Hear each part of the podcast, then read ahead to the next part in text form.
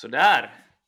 Då är vi äntligen igång med en, eh, ett nytt avsnitt av Skillspodden och dagens gäst hälsar vi varmt välkommen och det är ingen mindre än Charbel Selvan.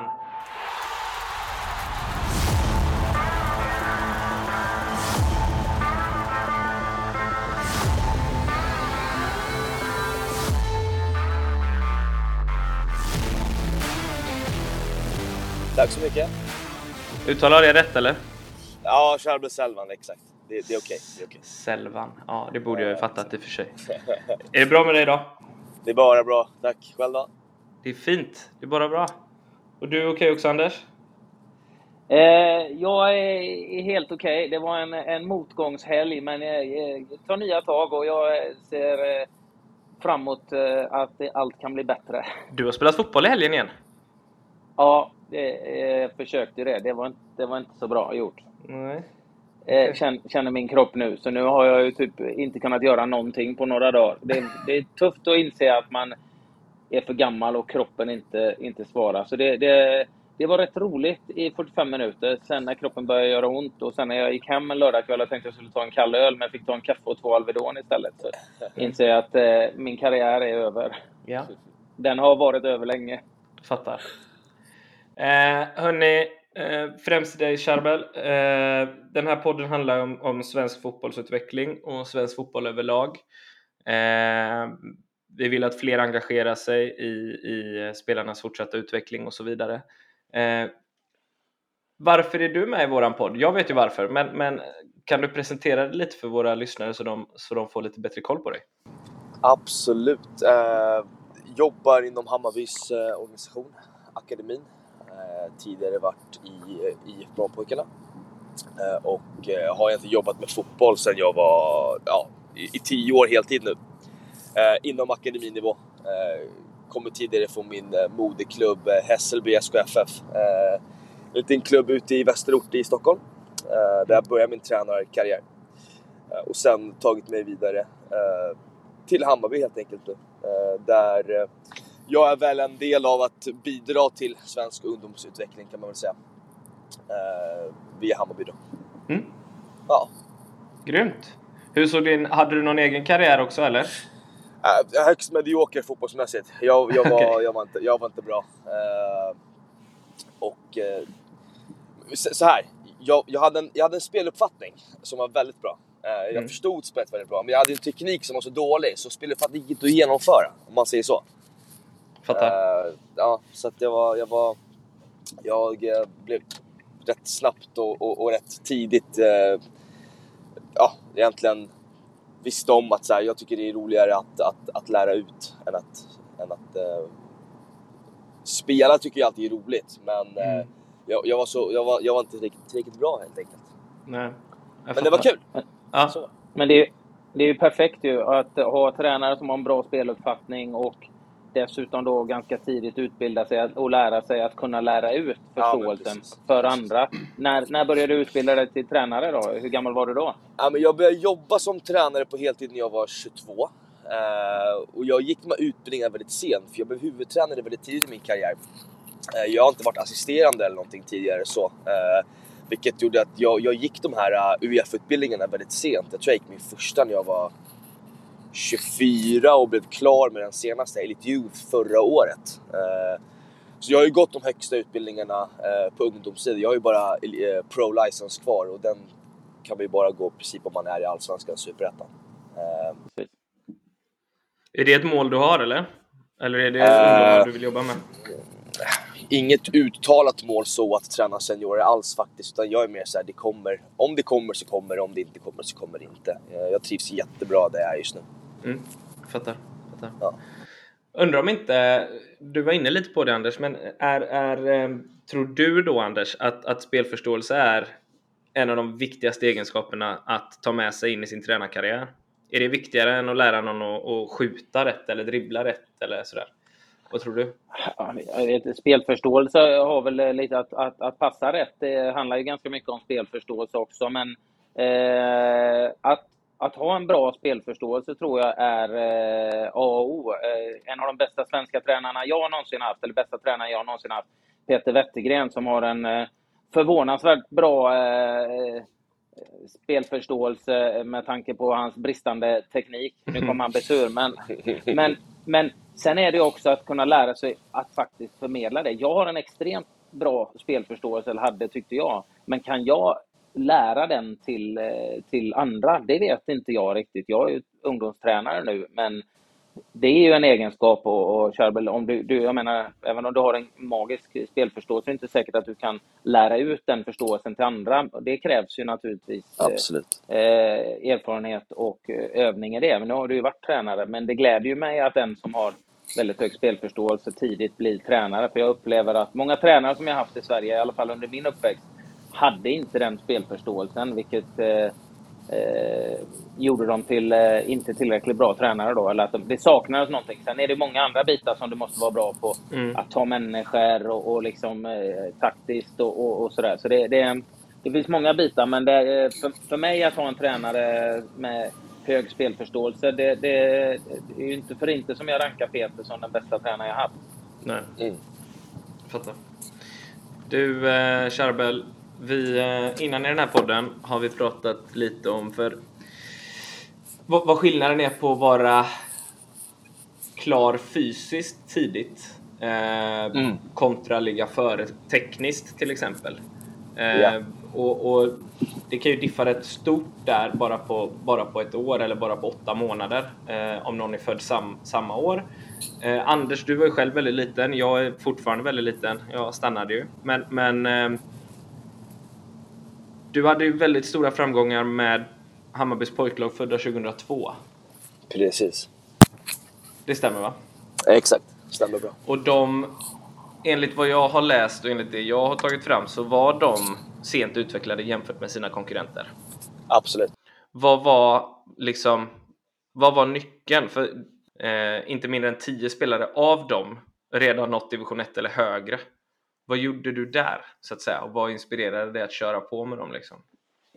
Nej, men det är ett ganska bra exempel på ett lag där spelförståelsen var väldigt hög och tekniken var väldigt hög kontra att de faktiskt eh, inte var fysiskt utvecklade. Eh, och det, det, vi egentligen gjorde var ju att vi, mm. vi använde den styrkan såklart. Att, eh, att vi hade ett spelskickligt lag och ett lag med hög både, både teknisk spelförståelse, om du förstår vad jag menar, och, och, och taktisk spelförståelse. Det var ett lag som var väldigt mm. duktiga på, på, på att dels utnyttja sina styrkor i form av sina roller.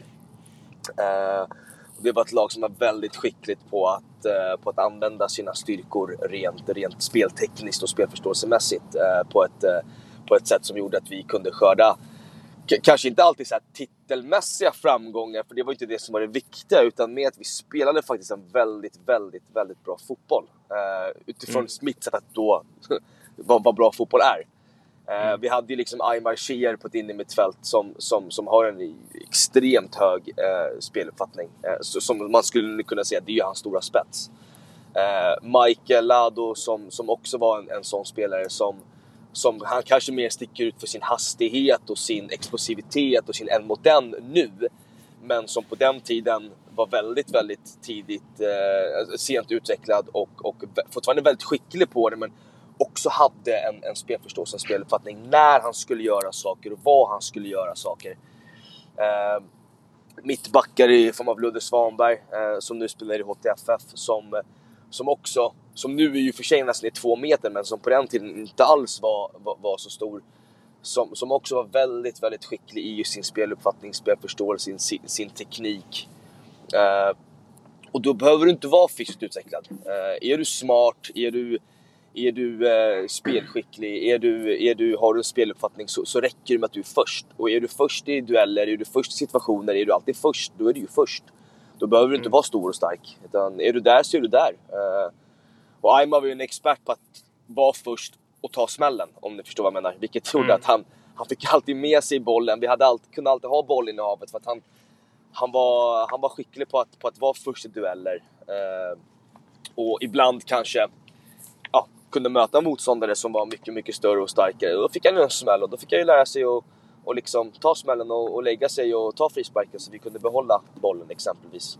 Mm. Eh, vilket är en del av, om du frågar mig, en speluppfattning. Att, att kunna, kunna förstå att speluppfattning för mig är inte bara hur, hur, du förstår spelet när medspelarna, eller med, mot, äh, motspel, äh, medspelarna har boll, utan det är ju mycket också när vi inte har boll. Mm. Eh, var kommer bollen hamna? Bollbana? Eh, förstå vad, vad, vart, eh, vart situationerna kommer att uppstå är ju en del av en speluppfattning för mig också. Mm. Oerhört, det stämmer helt. Självklart även när motståndarna har bollen, liksom att, att läsa av när motståndarna kun, kanske, här kommer de få problem, man kommer hamna i tidsnöd och man läser spelet. Man redan, Exakt. redan där, liksom, innan situationerna händer, eh, uppstår. Men, men jag, jag bara, du säger att ni, det var kanske fysiskt inte utvecklat. Så hur löste ni det eh, när ni spelade i serien, matcher och sådär? Mötte ni ändå de här största, starkaste lagen som kanske hade mycket större spelare? För jag menar, fysiken gör ju ändå ganska mycket, framförallt när du är yngre. Ja. Eh, eller eh, för att de skulle få utvecklas i, i, sin takt och få utveckla sina egenskaper. För man upplever det många unga spelare som, som är väldigt stora och starka. De vinner ju mycket på det. Man ser många tränare som spelar med sina största, starkaste spelare bara för att nå kortsiktiga resultat istället för att utveckla spelarna. Men Precis. spelar ni ändå mot de, de här lagen eller spelar ni en serie där ni fick liksom tid att utveckla era egenskaper? Eh, eller hur, hur, hur funkar det? Nej, utan vi spelade ju det som på den tiden kallades för P14, eh, högsta serien så att säga, eh, ja. inom Stockholm. Och då kunde vi möta lag som var större, starkare, fysiska och hade vi en dålig dag då kunde vi torska med fyra baljor. Men det var ju som det var liksom. Det var ju bara att acceptera mm. läget och, och förstå att så länge vi dels fokuserar på prestation eh, men också fokuserar på, på det vi är bra på så, så kommer vi fortsatt utbilda våra fotbollsspelare till att bli duktiga. Eh, och det är det som är det svåra i Stockholm, för det finns ju säkert i Göteborg också i storstäderna generellt att det finns ju den här det finns ju en hets eh, en resultathets, vilket gör att tränare och klubbar kanske känner att de är tvingade till att spela den typen av spelare som du säger Anders, stora, starka, fysiskt utvecklade. Eh, för att nå kortsiktiga resultat. Eh, och det har väl mycket att göra dels med tränarfilosofi, vad man är för typ av fotbollstränare, men också hur klubben, eh, hur, klubben jobbar, eller hur klubbarna jobbar. Mm. Jag personligen tycker ju att man Alltså jag värderar teknik och speluppfattning och spelförståelse extremt högt. Vilket gör att... Och med det sagt så behöver det inte betyda att de spelarna som är stora, starka, utvecklade kanske inte har det. Men, men man ska kanske välja spelarna utifrån den typen av egenskaper mer än att använda spelarna 12-åringar som liksom är i, i, i, i princip i puberteten eh, för att vinna fotbollsmatcher. Eh, vilket gör att man, man hämmar ju svensk fotboll och, och svensk fotbollsutveckling. Tror jag. Jag tror det. Ja, jag håller med. Och jag tror det var... Jag, Iniesta, kommer jag inte ihåg ordagrant vad han sa, men ju, ju högre eh, spelförståelse och te teknisk, teknisk förståelse liksom, och kvalitet, desto min, du har i ett lag, desto mindre spelar fysiken roll. Liksom. Ja, så säger ni att ni har, har ett helt lag som spelar på samma sätt och tänker på samma sätt, så, så, eh, så blir det ju ändå. Sen så gillar jag det här att man jobbar med med utveckling av ett sätt, utveckling av ett spelsätt och utveckling av spelaren istället för de här kortsiktiga resultaten. Men det är ju så att ett problem som vi har, inte bara i fotboll, men i, i, i överlag egentligen, och inte bara i Sverige, är, i, på elitidrott, är ju det här till exempel med att eh, det är kraftigt överrepresenterat av spelare som killar och tjejer som är födda första halvan av året. Precis. Och det, min fru som jobbar med SISU, barn och ungdomsidrott, hon sa det var ganska intressant när vi hade en diskussion vi tittade på, jag tror det var hockey som hade gjort de här mätningarna. Och hade du delat liksom i säsong, när säsongen börjar på, höst, börjar på hösten och slutar på våren, hade du, en, hade du delat där, då hade vi haft eh, sådana som var födda eh, i, från liksom, juli, augusti som, och liksom höstbarn hade varit mer prioriterade då, för då hade ju de varit de äldsta i kullarna istället. Så mm. vi, tittar, tittar lite för mycket på det där och det, det oroar mig att vi tappar väldigt, väldigt många som blir bortselekterade på grund av att de Ta min son till exempel född i oktober, han är ju typ åtta månader yngre än vissa av hans medspelare och det kan ju mm. vara rätt stor skillnad.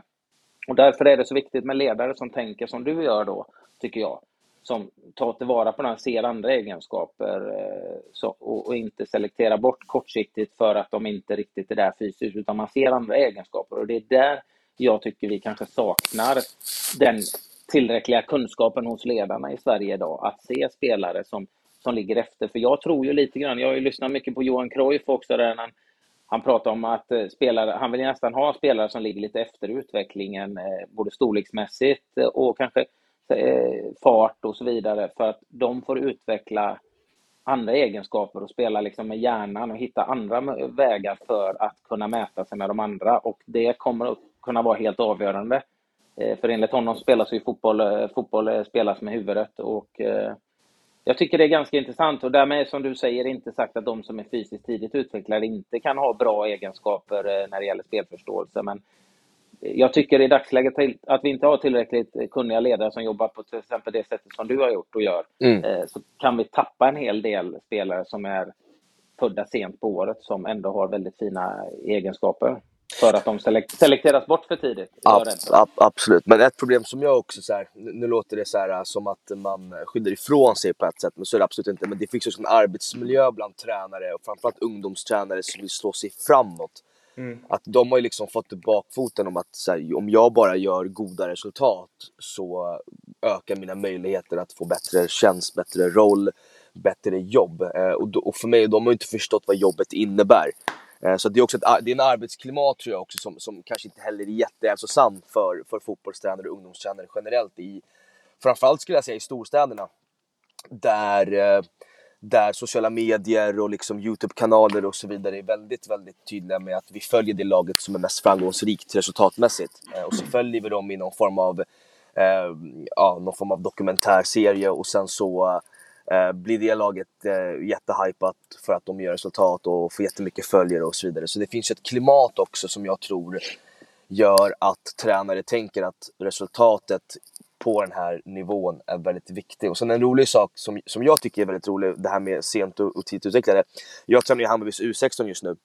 Mm. Uh, och, och vi spelar ju med spelare som är ett år yngre i princip, alltså 07 mot 06 uh, eh, och där vi har en, en, en gruppspelare som, som också har det här som jag hade med 02 om det är en slump eller inte, det vet jag inte. Det vill säga, eh, inte, inte utvecklade, sent födda på året, rätt många av dem, eh, men väldigt, väldigt spelskickliga och tekniskt spelskickliga. Eh, vilket har gjort att vi, vi om man nu ska vara va sån, lite har ändå gjort ett bra resultat med laget för att vi har ju liksom ändå prioriterat det jag tror kommer vara viktigt i framtiden. Det vill säga en, en teknisk fotboll, Eh, en fotboll med speluppfattning och, och en, en fotboll med, med hög hastighet och hög kvalitet. Eh, vilket har gjort att jag, även på, på ungdomsnivå med ett lag som är ett år yngre har vi liksom tagit oss en semifinal i, i SM. Så att jag tror inte att det handlar om att man inte kan göra resultat genom att faktiskt spela en fotboll som är teknisk och, och en fotboll med hög inslag av speluppfattning och spelförståelse i utbildningen. Så jag tror inte att det är liksom, jag tror inte att det är motsägelseförhållanden, alltså motsatsförhållanden så att säga, utan jag tror att det är mera en, en, en filosofi och, och ett, ett arbetssätt som gör att man, att man eh, kan nå, om man får säga resultat på olika sätt. Eh, mm. Jag förstår, jag förstår vad du menar och det är bara att eh, det gör ju... Du är ju inne på det där ganska tidigt, det här att det är väldigt mycket prestige hos tränarna. Dels vill de göra karriärer, så, men jag har ju nu har jag vunnit två mm. serien två år i rad. Jag kanske ska vara aktuell och flyttas upp och ta hand om eh, U21 eller A-lag. Jag, jag är på väg upp här nu. Och det är ju då kanske lättare och enklare att göra resultat genom att bara välja de som är fysiskt utvecklade. Att göra resultat och, och jobba med långsiktig utveckling som du gör, det kräver ju eh, lite mer av, eller kräver ganska mycket mer av ledarna. Och jag Absolut. tror många, många ser det, som du säger, försöker få kortsiktiga resultat. Liksom. Jag bara tar till mig själv, jag tränar 11-12-åringar där, kanske hade fått bättre resultat om jag hade spelat dem de största, starkaste och snabbaste spelarna. Liksom. Men jag har ju några lång, som, som, som är ganska små som har en betydligt högre spelförståelse än andra och jag bryr mig inte om resultat. Utan man vill se en utveckling lite, lite grann som, som du eh, pratar om. Jag tror det är det stora problemet där. Att problemet är hos, men, hos ledarna som tänker kortsiktigt. Men kan inte, det, kan inte det också handla lite om... Nu säger jag inte att det är så i, i, i, hos, i din klubb, Charbel, men, men i det som har fötts ur, ur de här tränarnas kortsiktiga tänk, har inte det fötts ur liksom klubbens filosofi att flytta upp en tränare som har gjort bra resultat med ett 14-årigt lag till exempel? Alltså istället för att se hur många flyttades upp förra året. hur många, hur många har gått vidare förra året? Hur många har gått vidare från din kull som du hade för tre år sedan? Absolut. Ja men absolut, så, så kan det absolut vara. Uh, jag, jag, tror att det är så. Uh, sen, sen, tror jag också att alltså, de största akademiklubbarna i Stockholm tror jag inte har det tänket kring sina tränare. Uh, utan mm. jag tror det är mer att tränare generellt ibland lite kanske gör det här för sig själva. Ehm, vilket, eh, klart, klart, att man, man gör det här för man tycker det är kul och man får, man, man, eh, det är ett yrke och så vidare.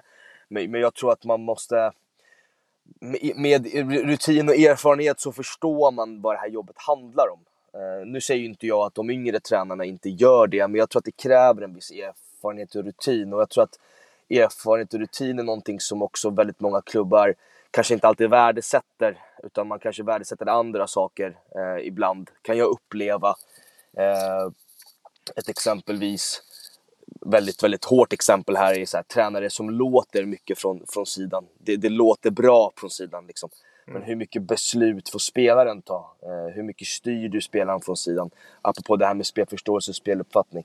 Eh, det är klart att man ska ge en spelare eh, hjälp från sidan, men det, det ska vara hjälp då inte styra. Mm. Eh, jag tror att det finns mycket mycket, mycket YouTube-tränare och mycket Instagram-tränare tror jag som, som eh, har det som liksom mål att promota sig själva och då, då tror jag att man tappar mycket av det som utbildningen handlar om, det vill säga att utbilda unga, unga barn. Jag tror du är inne på någonting, för det är någonting som jag försöker jobba med mig själv också som ungdomsledare, det här med att inte ropa för mycket. Eh, och jag försöker inte ropa för mycket när de har bollen själv liksom och tänka. För det, som du säger, de, de ska ju lösa problemen själva, upptäcka saker själva. Mm. Om man har skriker vid sidan så gör de ju det för att jag har ropat.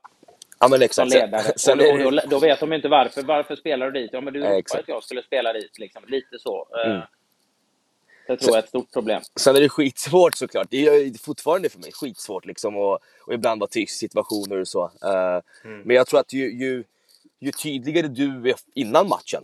Rollfördelning, rollbeskrivning, eh, vad förväntar jag mig av dig i den här matchen?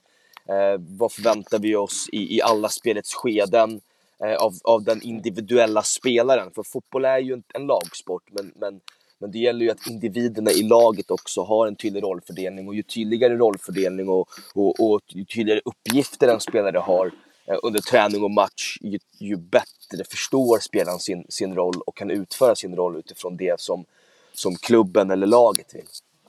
Mm. Fatta egna beslut och lösa problemen på sitt sätt. Och sen ja, märka om det är rätt eller fel beslut, helt enkelt. Sen är det väldigt ofta i, i liksom, som man som tränare står där på sidan och, och, och tänker att så man ska ge en instruktion och sen så säger man någonting och så löser spelaren det av sig själv på ett annat sätt. Då vet man sen, fan, det är ju hans ögon och, och, och, och, öron och hjärna som, som uppfattar situationen. Jag är inte i situationen så jag vet inte vad som händer runt honom.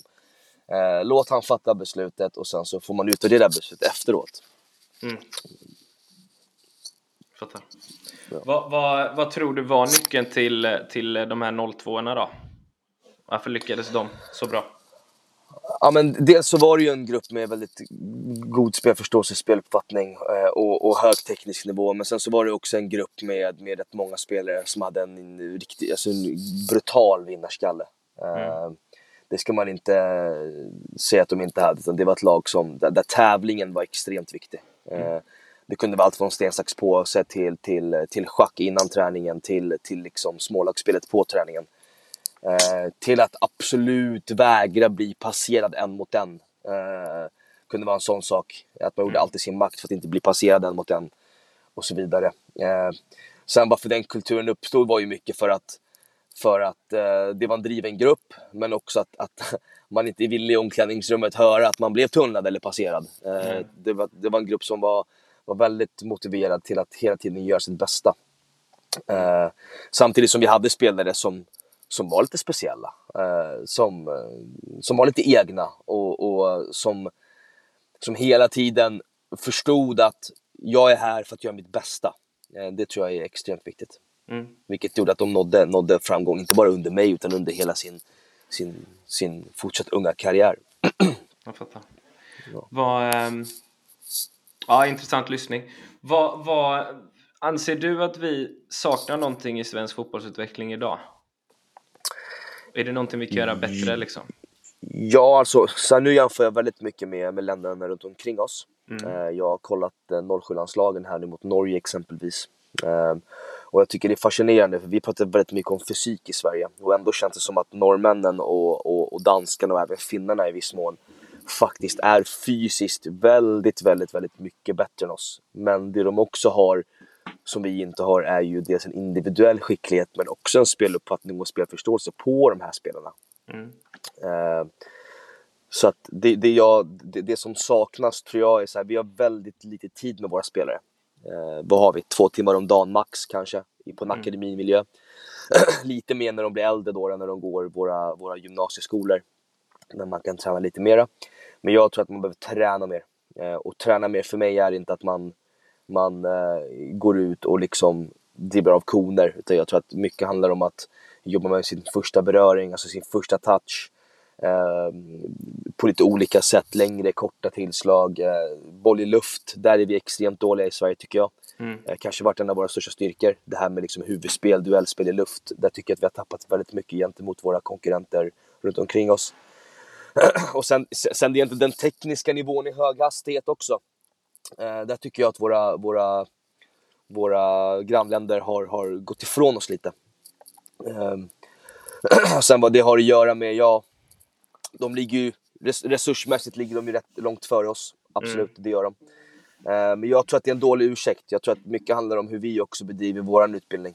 Eh, Jag tror att vi behöver bli bättre på att, på att eh, jobba med alla delar. Både fysiskt, tekniskt, spelförståelse, men även psykologiskt tror jag. Eh, jag upplever också att de spelarna runt omkring oss i Norden, eh, de har en mentalitet i de här matcherna som jag inte riktigt ser att våra svenska spelare har. Du, du pratar om eh, att de ligger före oss fysiskt och sådär också, att ni inte har, vi inte har lika mycket tid med dem. Vad, tränar de betydligt mer? Har du någon eh, erfarenhet av det? Tränar de Vi- mer än oss? För vi pratar ju i Sverige om, vet ju vi, att när vi har pratat med tränare så att, att de ligger redan på en alldeles för hög belastning och eh, det har ju varit en diskussion tidigare i de här poddarna att, att vi är väldigt rädda för att belasta. Ja, Eh, att vi ja. eh, borde träna mer. Ja, ja, jag håller med. Jag tycker det är idiotiskt. Alltså kroppen är anpassningsbar. Vi kan träna väldigt mycket och få kroppen att anpassa sig att träna väldigt mycket. Jag tror att vi är alldeles för fega där. Och vad det beror på vet jag inte, men det är väldigt många som är, så här, det är väldigt många som, som ungdomstränare som tar in ja, men Verheyen och den typen av så här, taktisk och teknisk periodisering och, och, och, och fysisk periodisering och alla de här typerna av periodiseringar. Och de är ju mera för seniorlag där enda målet är att nå resultat. Mm. Eh, Det är vi ju inte på ungdomssidan, så där tror jag att vi måste träna mycket, mycket hårdare. Och här, att vi är fysiskt det är inte att våra grannländer är fysiskt större än oss. Alltså de, inte, de har inte fler centimeter än vad vi har. Det har de absolut inte. Men de har en explosiv muskelmassa som vi inte har. Uh, vi, har lite, vi kanske har större spelare centimetermässigt, men våra spelare är ju inte lika atletiska som deras spelare. Och det tror jag har att göra med att de, dels att de har tränat mer, mer mångsidigt och allsidigt. Uh, och, och att de faktiskt tränar hårdare. Mm. Eh, Och mer timmar eh, och, i tuffare belastning, absolut. Eh, det, det tror jag definitivt har med det att göra. Tror du, jobbar de mer med individuell träning än vad vi gör i Sverige, tror du? Utan liksom, eller special, liksom jag vet att man mer individanpassad träning, det vet jag också varit ett problem i Sverige när man är, inte har resurs till, till eh, olika tränare, att man är kanske två tränare på 25 spelare någonting. Det är svårt att bryta ner och jo- jobba med olika individers olika behov och Mm. specialanpassa individuell träning. Det finns ju inte riktigt resurser till det i Sverige. Har de andra resurser och jobbar de på ett annat sätt i Sverige eller i Norge och Danmark till exempel med det? Det gör de. Det, det gör de. För jag, det jag vet att de gör, de är väldigt, väldigt skickliga på att de jobbar med individuella utvecklingsplaner med spelarna. Eh, de sätter sig ner eh, och eh, går igenom spelarnas, spelarnas färdigheter. Och, och, och eh, sen så gör de en plan för att förbättra deras färdigheter. Eh, det kan vara, och färdigheter kan vara allt från, från de tekniska färdigheterna till de fysiska färdigheterna. Eh, där tror jag de är betydligt skickligare än oss. Eh, sen har de, sen, utan, utan att veta exakt så tror jag också att de har fler timmar med sina spelare. Ja. vilket gör att de kan träna mer, träna kanske inte hårdare utifrån den tiden men, men framförallt längre vilket gör att du, att du blir bättre. Sen så ska vi Många pratar om underlag. Jag vet inte. Underlag, konstgräs. Det är mycket konstgräs utomlands också. Jag tror inte att det är en ursäkt överhuvudtaget. Eh, jag tror mer att de, de tränar de tränar skarpare än oss helt enkelt. De är, de är spetsigare än oss på, på, på att uh, träna uh, bra, tror jag. Ja, och hur kan vi, hur kan vi ändra det då? Är det att tillsätta mer resurser, få in bättre, utbilda ledarna på ett bättre sätt och nyare sätt, eh, använda samarbetspartners eh, som har den kunskapen inom olika områden? Eh, eller vad, vad, tror du är vägen till, eh, till att närma oss? Att komma ikapp? Jag tror att det är just det, det som är vägen. Det vill säga mer resurser och, och, och tydligare, tydligare sätt att, uh, att kunna spetsa till sin träning. Um, vare sig det är med en individuell tränare eller om det är med, med någon inom klubben. Uh, jag tror att det är viktigt bara att man har ett tydligt mål uh, med träningen och att spelarna hela tiden känner att de, de tar kliv utifrån sina, sina individuella utvecklingsplaner och sina färdigheter. Det tror jag är väldigt viktigt. Jobbar man, som, något som jag upplevde, nu är det ett tag sedan jag har varit det själv, men eh, ser, ser, du någon skillnad där, hur det är i svensk fotboll nu, men också kontra eh, Norge-Danmark till exempel, där jag upplevde när jag spelat, hade man svagheter så skulle man träna upp dem. Det var viktigare än att faktiskt, om man hade spetskvaliteter, att förfina dem. Mm. Är du med vad jag menar? Ja, exakt. Där tror jag att de är väldigt noga med att jobba med spetsen. Eh, jag mm. tror att de, de, de är väldigt noga med med dels är klubbarna där väldigt tydliga med vilken typ av fotbollsspel de vill ha. Vilket vi kanske inte riktigt är i Sverige. Eh, det fanns en tid när jag var i Brommapojkarna där vi bara utbildade in i mittfältet exempelvis. Eh, mm. Det, det bara sprutade ut in i mittfältet från ungdomsakademin till, till, till alla olika A-lag. Eh, där, där upplever jag att vi i Sverige bli bättre på att identifiera Alltså klubbarna bli bättre på att identifiera vilken typ av fotbollsspelare de vill ha. Jag tror att det finns klubbar runt om i Sverige som är väldigt skickliga på det. Eh, men jag tror vi behöver bli ännu spetsigare på det. Eh. Och det ser man, ja, det ser man i Holland till exempel. Vi hade ju pratat med Pontus Wernbloom och, som, som eh, i ett tidigare avsnitt där han eh, jämförde med Holland där de har sina egenskaper och de förfinar det de hittar och man har sina olika roller. Sen kan man spela. Jag tycker till exempel det är bra att kunna spela på olika positioner, i alla fall tidigt, för att du lär dig en förståelse Absolut. för de olika rollerna. Men också det här att har du spetskvalitet så ska man inte se det som en svaghet och försöka kompensera upp alla andra egenskaper, utan här har vi en klassisk, som du pratade tidigare om i eh, i det här 02-laget, en innermittfältare med, med en extrem spelförståelse. Liksom att utnyttja det och, och träna upp det ännu mer så att han liksom att man har liksom ganska tydliga spetsegenskaper, för det är ju så, det är ju ganska tydligt numera att det är olika roller. Och I Sverige har det i alla fall under min karriär så var det att alla skulle göra nästan samma sak. Och, Absolut. Och, och eh, då tappar vi lite det, som man till exempel jobbar i Holland med, där de verkligen jobbar utifrån positioner. Där gör, ganska tidigt hittar man ju liksom också för att de ska kunna ta kliv lättare upp, upp i seniorfotbollen så har man sina tydliga roller. Men där är de också skickliga på att utsätta spelarna för de här situationerna. Uh, en grej som, som vi behöver skickliga på i Sverige, som jag upplever att vi har tappat väldigt mycket, det är ju det här en mot en-spelet. Alltså både defensivt och offensivt. Mm. Uh, jag tycker att vi har väldigt många spelare som, som uh, som är skickliga på att passa bollen utan några konstigheter tekniskt. Men, men, man kan ju inte göra det i hög hastighet, man kan inte göra det i trånga situationer. Man kan inte göra det liksom det individuella för att lösa upp en knut eh, eller ett problem under matcherna. Eh, jag tror att de, eller jag vet att de är skickliga på att utsätta eh, sina spelare. Och, men så här, exempelvis hade jag sagt till Michael när han var liten, som nu spelar i Holland, jag har sett Alkmaar. Hade jag sagt till honom att han inte skulle utmana en mot en så fort han fick bollen på kanten. Det var ju hans roll, det skulle han göra. Då tror jag att han hade blivit, blivit, blivit sämre på det och en av hans spets idag är ju just sin, sitt, sitt en mot en spel. Eh, hade jag sagt till Aymar att inte passa de här lite svårare passningarna eller positionera sig i trånga ytor för att kunna komma rättvänd och attackera så, så tror jag att det hade hämmat hans utveckling eh, att, att bli bättre på just de här sakerna. Eh, så att jag tror mycket handlar också om att du som ledare och tränare behöver vara väldigt tydlig med, med vad du vill utsätta spelaren för. Eh, det tror jag är väldigt viktigt.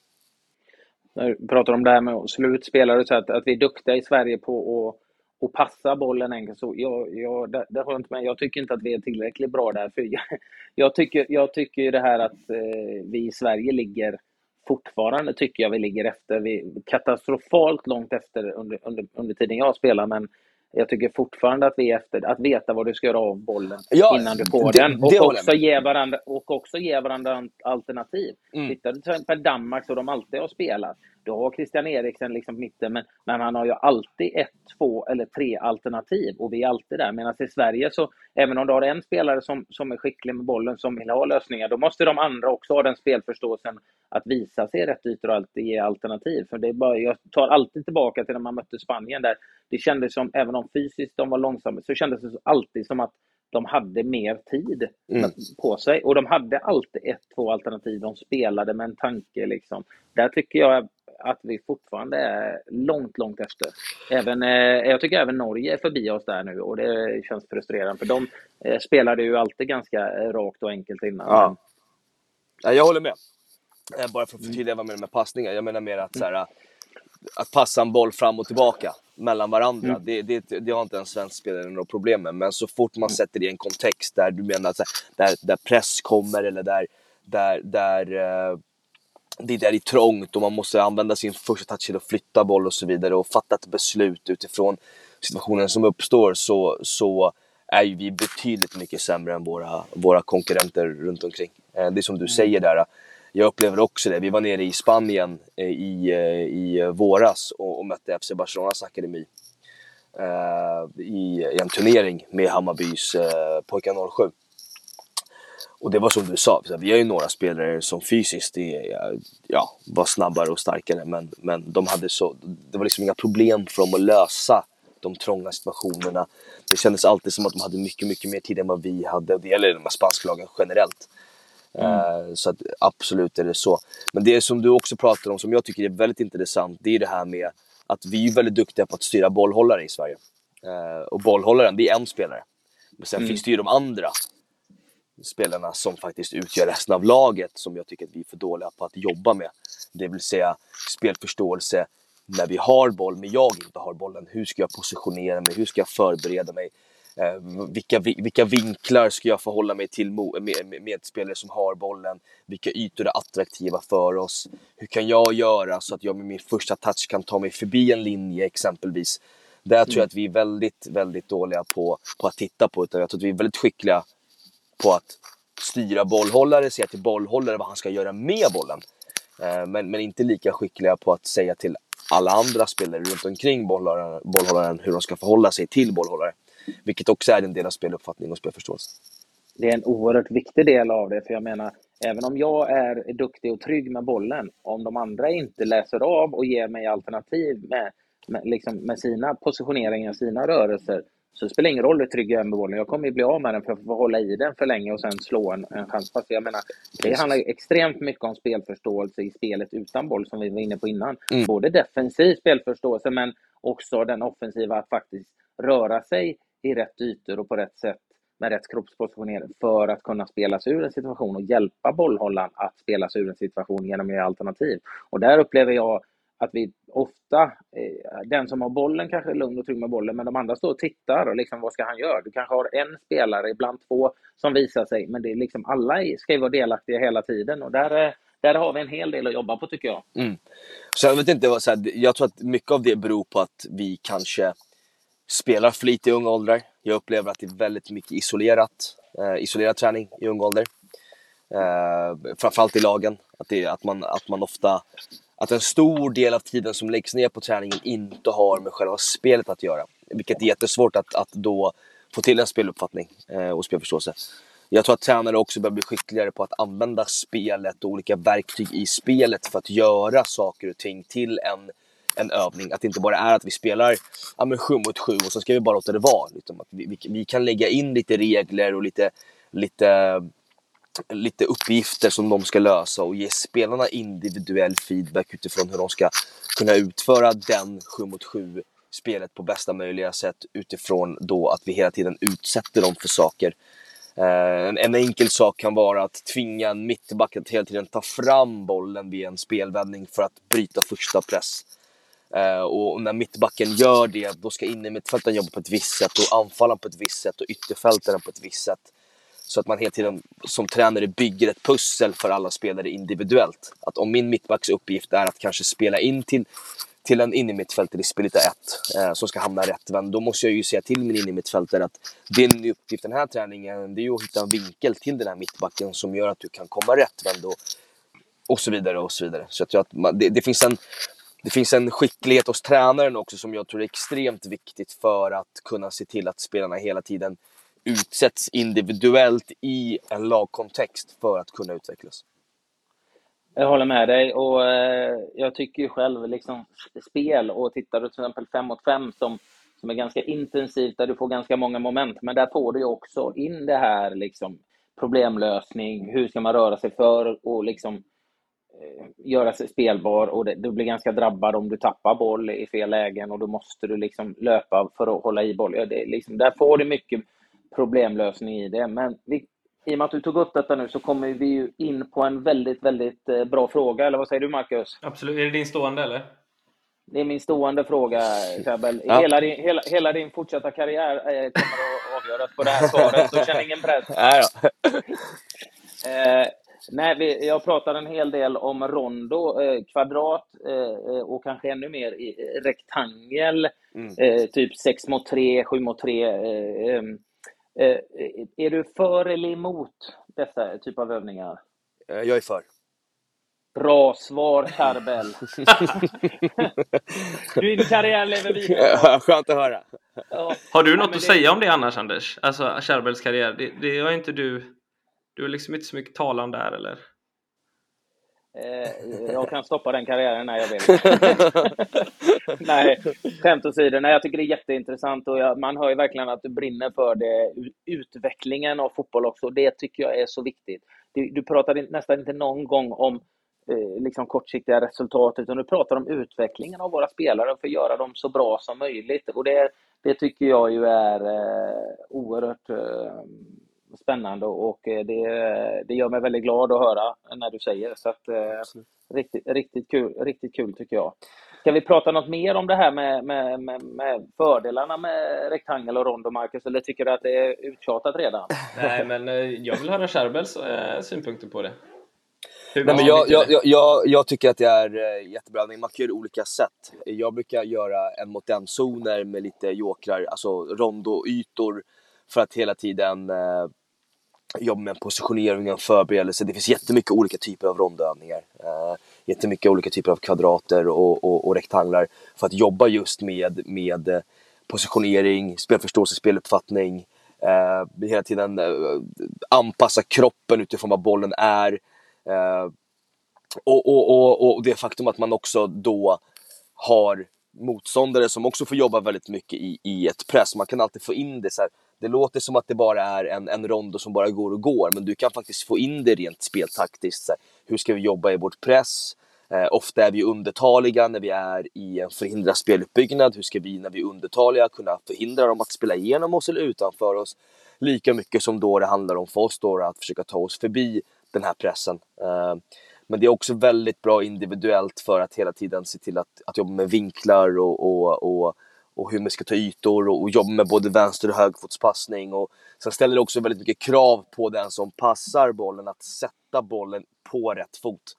Eh, för sätter jag den hans, på hans inre fot och pressen är skicklig, då vet ju pressen att han kommer bara kunna spela åt ett håll. Och det är ju tillbaks till där bollen kommer ifrån, vilket gör att pressen kommer bryta bollen ganska enkelt. Så jag tror att det är en, eller tror, jag vet att det är en extremt bra övning för att jobba med den här typen av saker som vi har pratat om. Mm. Ja. Och jag håller med dig med, men det är samtidigt också som du var inne på tidigare, hur man ser på den och hur man som ledare instruerar i den. För eh, det, det, det, är liksom inte bara att det är en Lattjo övning Nej, det är en väldigt bra, väldigt bra övning om man coachar den och gör det på rätt sätt. Absolut. Det är precis alla de här bitarna du pratar om, att spela med rätt hastighet bollen på rätt fot så att, och att möta med den kroppspositioneringen så du kan spela förbi pressen och spela ur i en ledig yta. kommunikationen du får upp, att prata med varandra för att hjälp, hjälpa varandra. Och hela tiden ge det som jag tycker i Sverige då, det här med att vi behöver jobba på att liksom tänka vad du ska göra innan du får bollen. För du, det blir så många moment i en sån, om du spelar en rektangel till exempel som är 6 mot 3 eller någonting, du ska få de tre in och jobba. Då måste du liksom, och hur spelar man för att locka, in, locka motståndarna upp så att du får, sen kan spela vidare och sen på en touch spela ur ytan. Det är just det där för att ge alternativ. Du, för om du ska ha en bra rektangel till exempel, då måste ju alla ge bollhållaren alternativ. Måste Absolut. ju ha ett, två eller tre alternativ hela tiden. Och kommunikation, man flyttar sig för att kunna spela ut. Så det är en fantastiskt bra övning för att jobba på de här bitarna. Och jag tycker det är väldigt utvecklande att köra det i, i, i egentligen tidig ålder och väldigt, väldigt ofta. Men väldigt många av de äldre tränarna eh, känns som de har förutfattade och negativa tankar om, eh, om kvadrat, att det är mer en, eh, en övning. Ja, precis. Ja, och, och det har ju också med problemet att vissa tar det som det är då. Men då, då, då sätter, sätter, tränarna upp den och sen får spelarna sköta sig själva. Och då, då hamnar det ju ofta i den att de skrattar och alla ska försöka göra tunnlar, det är det viktigaste. Ja, Istället för att se det som den fantastiska övning det faktiskt är om man gör det ordentligt. Och då behöver man kanske som tränare vara där och övervaka och se till att det är fokus och att man gör det på rätt sätt. Ja, absolut. Sen så kan man göra den övningen på massa olika sätt. Jag brukar lägga oh, till, oh, ja. jag brukar lägga till småmål runt exempelvis. Om det är så att eh, det laget som är i mitten, eh, de som pressar vinner bollen, så, så kan de smälla in den rakt till ett mål. Då måste ju andra laget jobba med en direkt återövning exempelvis. Mm. Det går ju att göra den så att det blir en ordentlig övning och inte en glädjekvadde som du säger. Sen är glädjekvadden viktig innan träningen tycker jag. Den ska de få ha ändå liksom. De ska få leka lite innan träningen tycker jag. Den tycker jag är ganska viktig. Absolut, absolut. Allt, allt ska inte vara allvar hela tiden. Jag tycker det, det, du, det du lägger in med de här momenten, det är två saker som är jättebra när du slänger in de här målen.